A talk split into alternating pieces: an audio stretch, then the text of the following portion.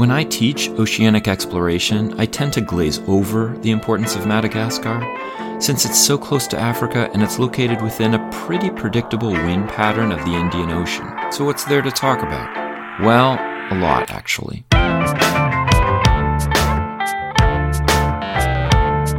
It's time to eat the dogs. I'm Michael Robinson. Today, Jane Hooper talks about Madagascar and its importance to the history of Indian Ocean trade and exploration.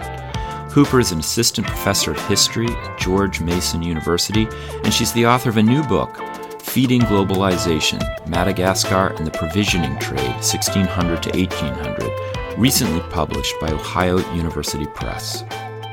Jane Hooper, thanks for talking with me today. And thank you for having me.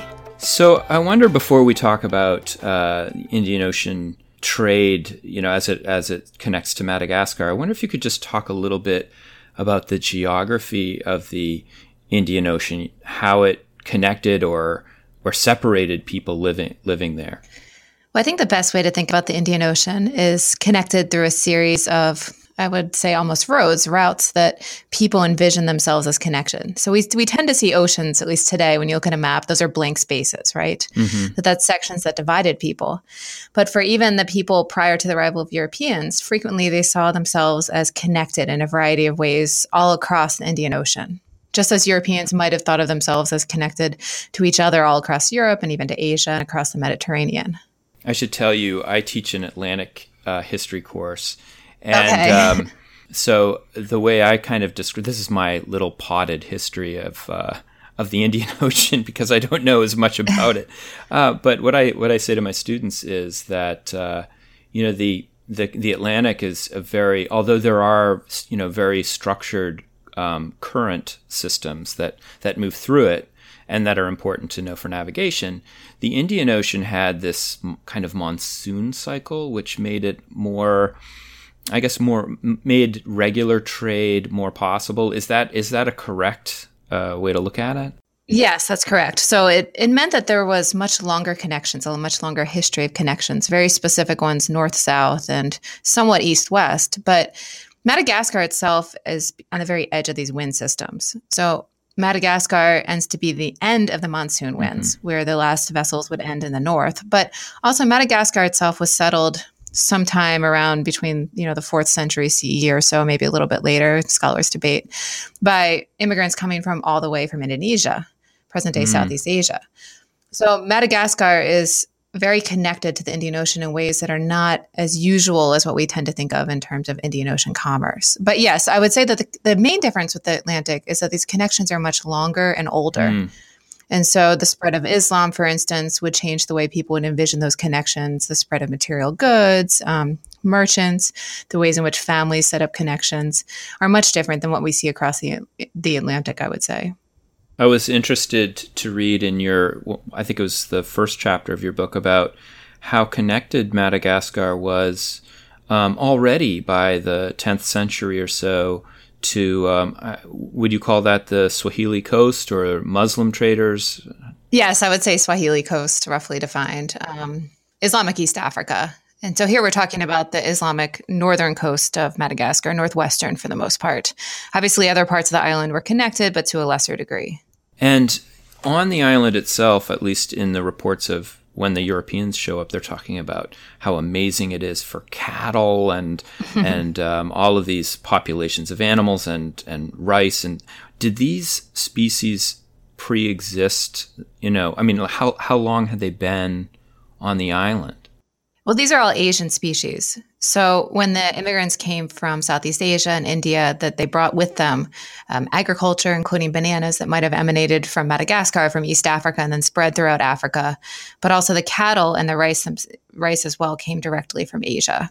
And this is very clear in the type of cattle that are raised in Madagascar, but also the rice growing practices are very reminiscent of what you see in Southeast Asia. As Europeans begin to move around the coast of Africa, both, I guess, searching for routes into the interior of Africa and then ultimately to uh, to find a sea route to Asia. Um, they they encounter Madagascar in 1500. Is that mm-hmm. it? Yes. And and I just wanted to know like when I was when I was uh, reading this, I was thinking like, well, why would they even bother? They have all of that East African coastline. You know, things grow there. They can stay close to shore. They can, I guess, they could pick up the monsoon winds. So, could you talk about why Madagascar was even like you know on the map, so to speak? Well, I think for multiple reasons. Um, I think the first reason is yes, they had other locations throughout the Indian Ocean on the western Indian Ocean coast, but East Africa is actually not that fertile of a region, right on the coastal mm. region. So the food had to be brought in from the interior for the most part. If you go further up the African coast and all the way to the Arabian Peninsula, those are very arid landscapes. Mm. And so Madagascar actually was an area that exported food even prior to the arrival of Europeans. They exported rice and cattle from the island to the Comoros, to East Africa. And so the in in my mind, the Portuguese were simply tapping into that already existing agricultural exports from the region. Obviously, for other Europeans, the story becomes far different because they need to acquire food um, in order to traverse the Indian Ocean. And they're not going to necessarily stop in Portuguese holdings to purchase that food. Yeah, you mentioned that um, it quickly um, gained a reputation among European powers as a kind of uh, Eden for. Um, I can't remember. You you you profile um, an account, I think from the early 1600s, saying this is like the the happiest people in the yes. world live in Madagascar, and it's the most fertile place in the world. Do you think? Um, well, I mean, I, have I, have worked on um, Africa a bit and the kind of myth structures that mm-hmm. you know mm-hmm. grow up among Europeans about it. Do you think this was a like how? Well, I should say the question: How much do you think this kind of um, idea was driving European sailors towards the island? Yes. I mean, I think it was very much overblown. Mm-hmm. Um, I think what Europeans are responding to is the presence of food already available for sale on the coastline. Whereas um, you know, the people themselves don't necessarily have a great surplus of food beyond those goods that they're trying to export. Mm-hmm. But for Europeans coming as merchants, you know, they're welcomed in. There's already a locally, you know, practicing market for selling this food. So I do think that this this rosy view of Madagascar is going to encourage incursions and colonization and just trade constantly as they hear from other sailors or merchants that this is where you go to buy food, this is where you go to buy cattle or find water, and the people will be willing to give this to you for a good price. Mm. You know, I kept thinking as I read um, about Madagascar in your book that, you know, I kept trying to think, well, how does this compare to Africa? How does it compare? Mm-hmm um, because there there are a lot of parallels that you talk about. Like um, you know, Europeans are looking to get stuff that's valuable. Le- Europeans are looking to get uh, food, and then ultimately. Europeans are looking to find slaves, and uh, and yet, and so in, in Africa, if I you know am understanding this correctly, the you know the Portuguese do attempt to just move inland by themselves, start kidnapping people, uh, bring them out and bring them back to Europe. And it really goes badly um, for a number of reasons. For the fact that there, you know, people resist quite, you know, strongly, but also because of issues of disease. And I wasn't sure is is that parallel to what happens in Madagascar, or does it unfold differently? Um, there are some similarities. I do think, I mean, the Portuguese learned, in, even in West Africa, very quickly that um, the best way to get slaves is to deal with local merchants mm-hmm. and to deal with local rulers. And the same thing in Madagascar. The slave trade begins rather later, aside from some earlier Portuguese attempts to get slaves there. And that also tends to go through pre existing trade and commerce and rulers and so on. Um, but definitely disease becomes a major factor in the early settlements in the 17th century. The French and the English fail miserably to survive in Madagascar, in part because of disease, but also because um, while the Malagasy might be willing to provide visiting merchants with food, they're not necessarily going to sell that to colonizers. Mm. And another thing I was thinking about was, you know, in in the African context, you have these um, kingdoms on the coast that start, you know, setting up these essentially trade relationships with Europeans. They they're the ones that go inland to um, find, you know, kidnap uh, Africans from other clans, and bring them to the coast. But on on Madagascar, I mean, it's an island. So uh, at mm-hmm. what at what point does that, you know, begin to extinguish the possibility of, of slavery in the interior? Well, definitely populations are limited within Madagascar, and that, that becomes apparent very, very early, I would say, in the 17th century. But I think the biggest difference between West Africa and Madagascar is that the Europeans are competing directly with other slave merchants for slaves. Oh. By which I mean, within West Africa, slaves are being shipped across the trans Saharan slave trade, whereas in Madagascar, they're being shipped across the Indian Ocean as well. And so Europeans are going to the exact same ports, and they're competing with um, East African and Arab slave merchants for the exact same slaves slaves. So, how developed was that slave network before the Europeans sh- showed up? I mean, when when the Europeans show up and say we we would uh, we'd like food, and in addition to that, we would love slaves. Was it a kind of thing where they're like, "Oh, sure, you need to talk to uh, you know this guy"? Yeah, well, it's very hard to tell, right? Um, most of our early sources, there's been a lot of scholarship done looking at the Portuguese sources. And other scholars have pushed back and said, no, these estimates are overblown. When Europeans say that, you know, thousands of slaves are being exported every year from Madagascar, is that an estimate based on one year they went there?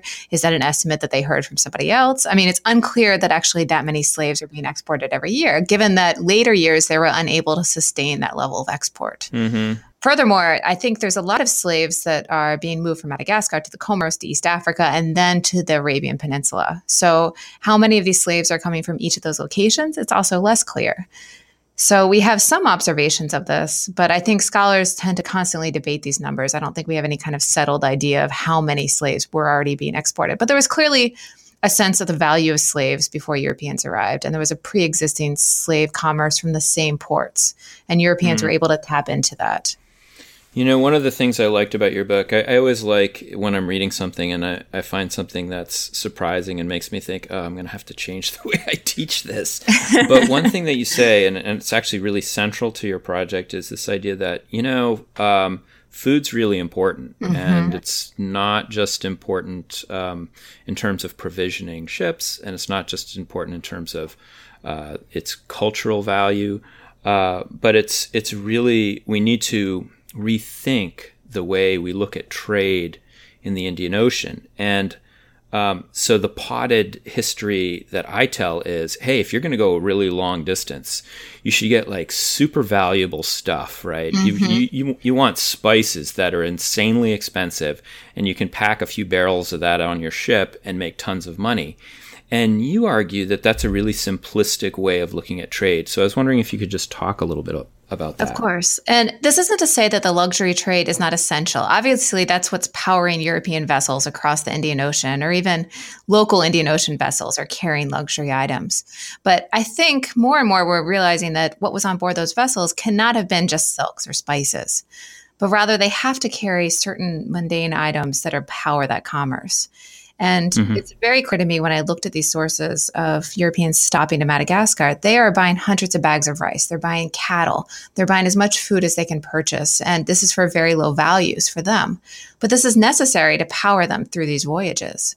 So the access to this food might mean the difference between life or death. Whereas, you know, carrying some, some silks and some spices aren't going to necessarily mean that the crew themselves will survive this voyage. You talk about this, this difficult choice that uh, Europeans had to make as they round the uh, Cape of Good Hope. There, it's like, well, we t- do we take the inner passage, which I guess is very the waters are very choppy, mm-hmm. uh, or do we take? But it's close to it's cl- close to the coastline, or do we take the outer passage around Madagascar to the east, where it's a it's a more direct route, but then you're really on open ocean, and the idea of provisioning becomes more important. Am I understanding that correctly? Definitely. And so if you run into any issues like leaking barrels and you run out of water or your food gets moldy or your sailors start getting scurvy, you don't have any recourse, right? And I think as this goes on into the 18th and then into the 19th century, they become more and more comfortable with taking these risks and they have better ways to alleviate this and voyages take less time. But definitely in the, that early period, that was a real choice that had to be made by the captains on board these vessels.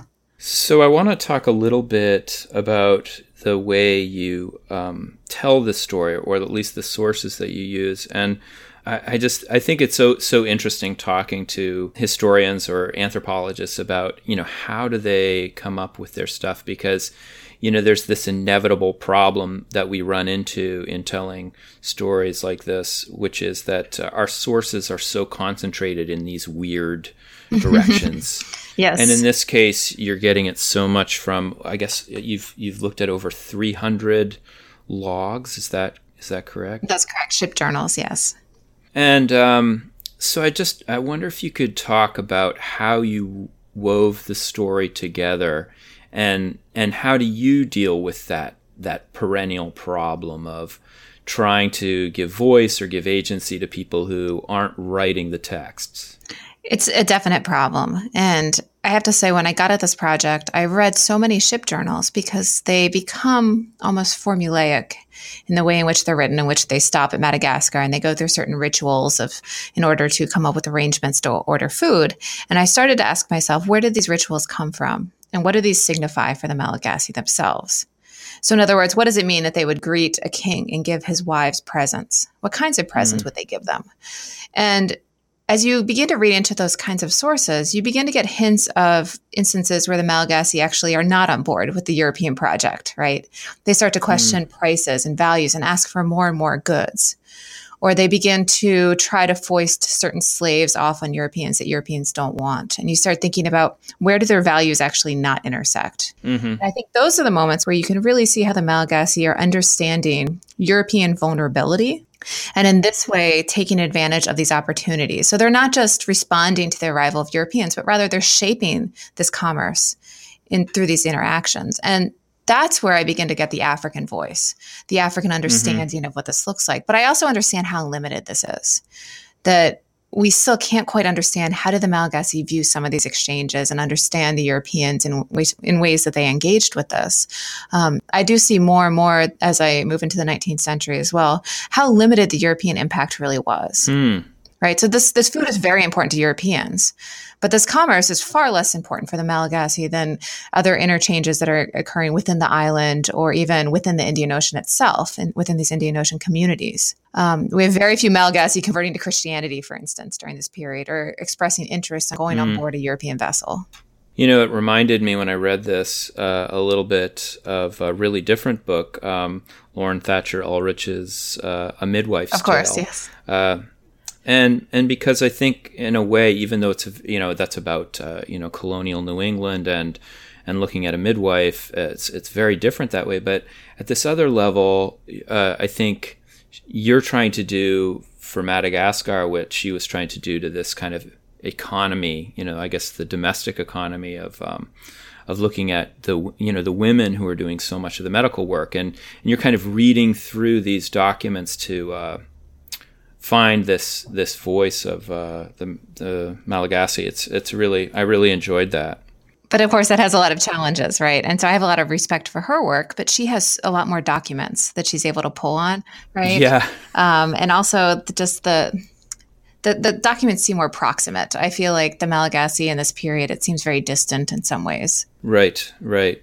Um, so, did you notice in looking through all of these hundreds of um, of logs, did you notice any significant differences? I guess either in, in terms of from country to country or over time, the way that people are describing trade. Yes. Um, interestingly enough, I would say the Dutch East India Company, the VOC, has the most voluminous documentation that when you read their ship journals, they will go on for pages and pages talking about the ceremonies of state and the interactions that they had and their everyday experiences.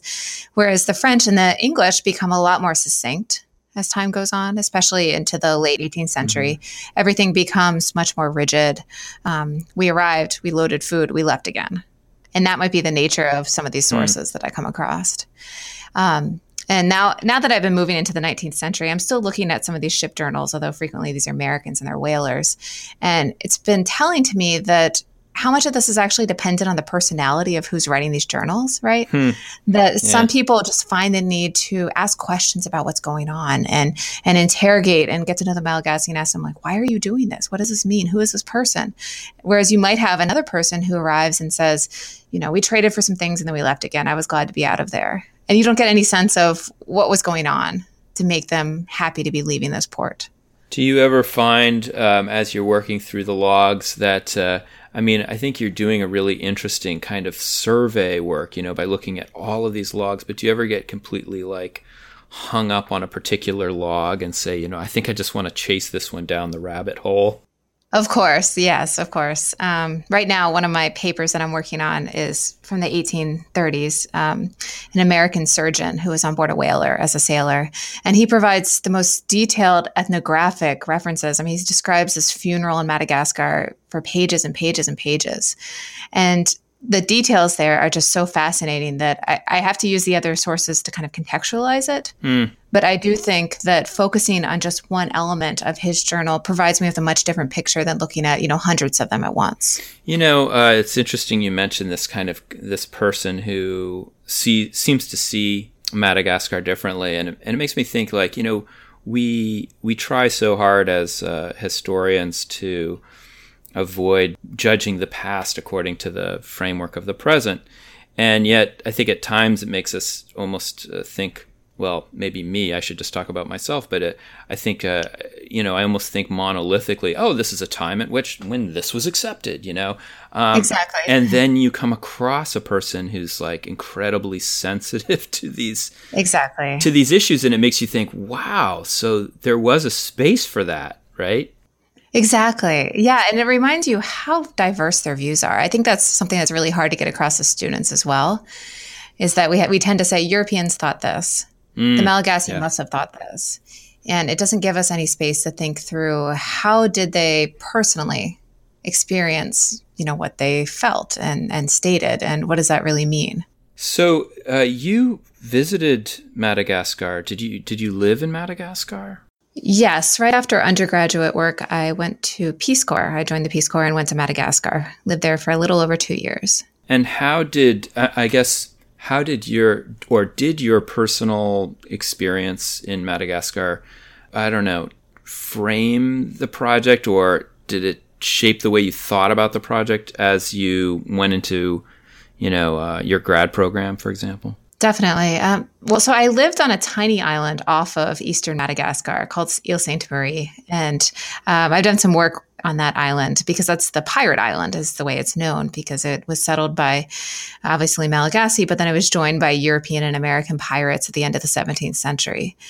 And so there's some fascinating memories of that history in Madagascar. And it had got me thinking about the ways in which people in this part of Madagascar that would seem very isolated to us you know, looking at it from the United States, understood their place in the world and understood connections across the seas in various ways. Hmm. And I came back very interested in exploring the nature of those connections. So, how are they connected to Africans? How do they view themselves as not African? In the case of Malagasy, most Malagasy, if you spoke to them and said something about Africa, they would say, "Oh, we're not like them. We're not African. Mm. We're Malagasy." So then, the Malagasys consider themselves different from uh, let's say, from East Africa and also different from other Indian Ocean cultures? That was the feeling that was expressed to me in that time and place where I was in Madagascar. I can't say that speaks for all Malagasy, but I definitely encountered a sense of not just we're different, but we are superior. Huh. Yeah. Interesting. Um, and, um, you know, a, a, bigger question I had as I read this was just like I said before, you know, I, th- I thought, oh man, I, there's so much of your story that I don't, I don't know. I don't know the context of this. Um, whereas I do know so much more about the Atlantic, and I even know more about the Pacific. And I was thinking, mm-hmm. is this is this a me issue, or is this really a historiography issue? Uh, do we uh, give a lot of attention to these other ocean systems? Um, well, anyway, what do you think? I agree. I think that so I will say that I was trained as an Africanist. And a lot of my background was studying West Africa in the context of the slave trade and trying to think about how Madagascar might fit with that. And I think part of this, the, the neglect of studying the Indian Ocean in particular, but also this part of East Africa, has been that um, the ways in which jobs and so on are, are thought through in the academy are focused around land masses. Mm-hmm. And I think there's been a greater acceptance of the Atlantic world and to a lesser extent the Pacific. But I think the Indian Ocean still focuses almost entirely on India. So if you do talk to somebody who's an Indian Ocean specialist, at least until recently, they probably worked on India. Mm. Or perhaps the Middle East or Southeast Asia, but likely not Africa and mm-hmm. Madagascar. Mm-hmm. And that, that part of the world tends to fall out of these discussions entirely. And Madagascar is a location that is inhabited by people that do not speak a Bantu language. It's inhabited by people that were colonized by the French, not by the British, um, that seem to have fewer connections to other land areas around it. It, it. It's even more an awkward fit. And you said also that uh, it actually kind of exists on the frontier of uh, these current systems too, right? But there's mm-hmm. this current that essentially pushes south.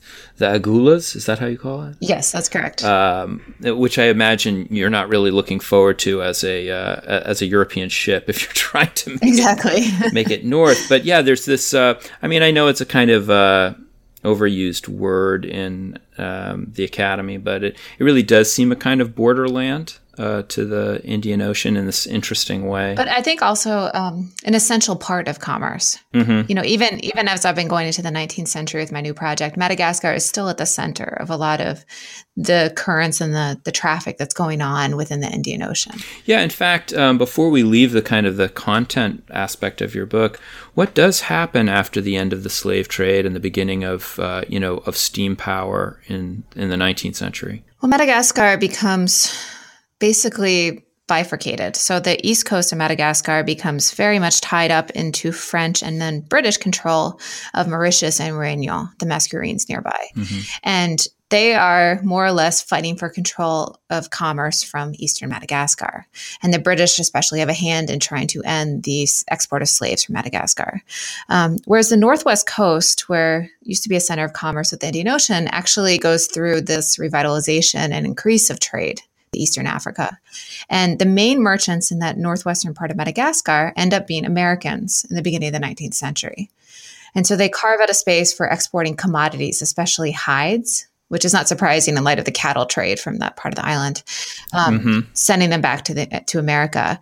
And southeast, southwest rather, Madagascar, um, this region that had been visited by merchants for centuries, becomes a center of American whalers visiting to provision their vessels. Wow, that's really interesting. And uh, yeah, I was just thinking about you know I know I know for example on the uh, Pacific Coast line, the Galapagos became a super important kind of provisioning area for for traders. But exactly. the difference being is the Galapagos are tiny and uninhabited. Yes. and Madagascar is giant and it's got a culture that's essentially geared up for trade for a, a, millennium. So it's probably not that parallel. It is in terms of the environmental impact, though. Mm. Um, it's clear that there are certain species of tortoises, for instance, that began to go become endangered, perhaps even extinct, due to the arrival of European and American vessels during the 19th century. Not the earlier period, but the 19th in particular. Mm. And so, do you think that this whaling project is going to be your your next big project going forward? Uh, it's looking at Americans not just as whalers, but also merchants. Mm-hmm. So I'm interested how they share ideas about space and understand the geography of the Indian Ocean in particular. Jane Hooper, thanks so much for talking to me today. Thank you for having me. I really had fun. That's it for today. Next week, Richard Jobs talks about the backpacker movement of the 1950s and 60s and how these young travelers helped reintegrate a fractured Europe. Our music was composed by Zabrat, a really great Montreal band. Make sure to check out their Bandcamp page if you get the chance. And check out the Time to Eat the Dogs page too. See you next week.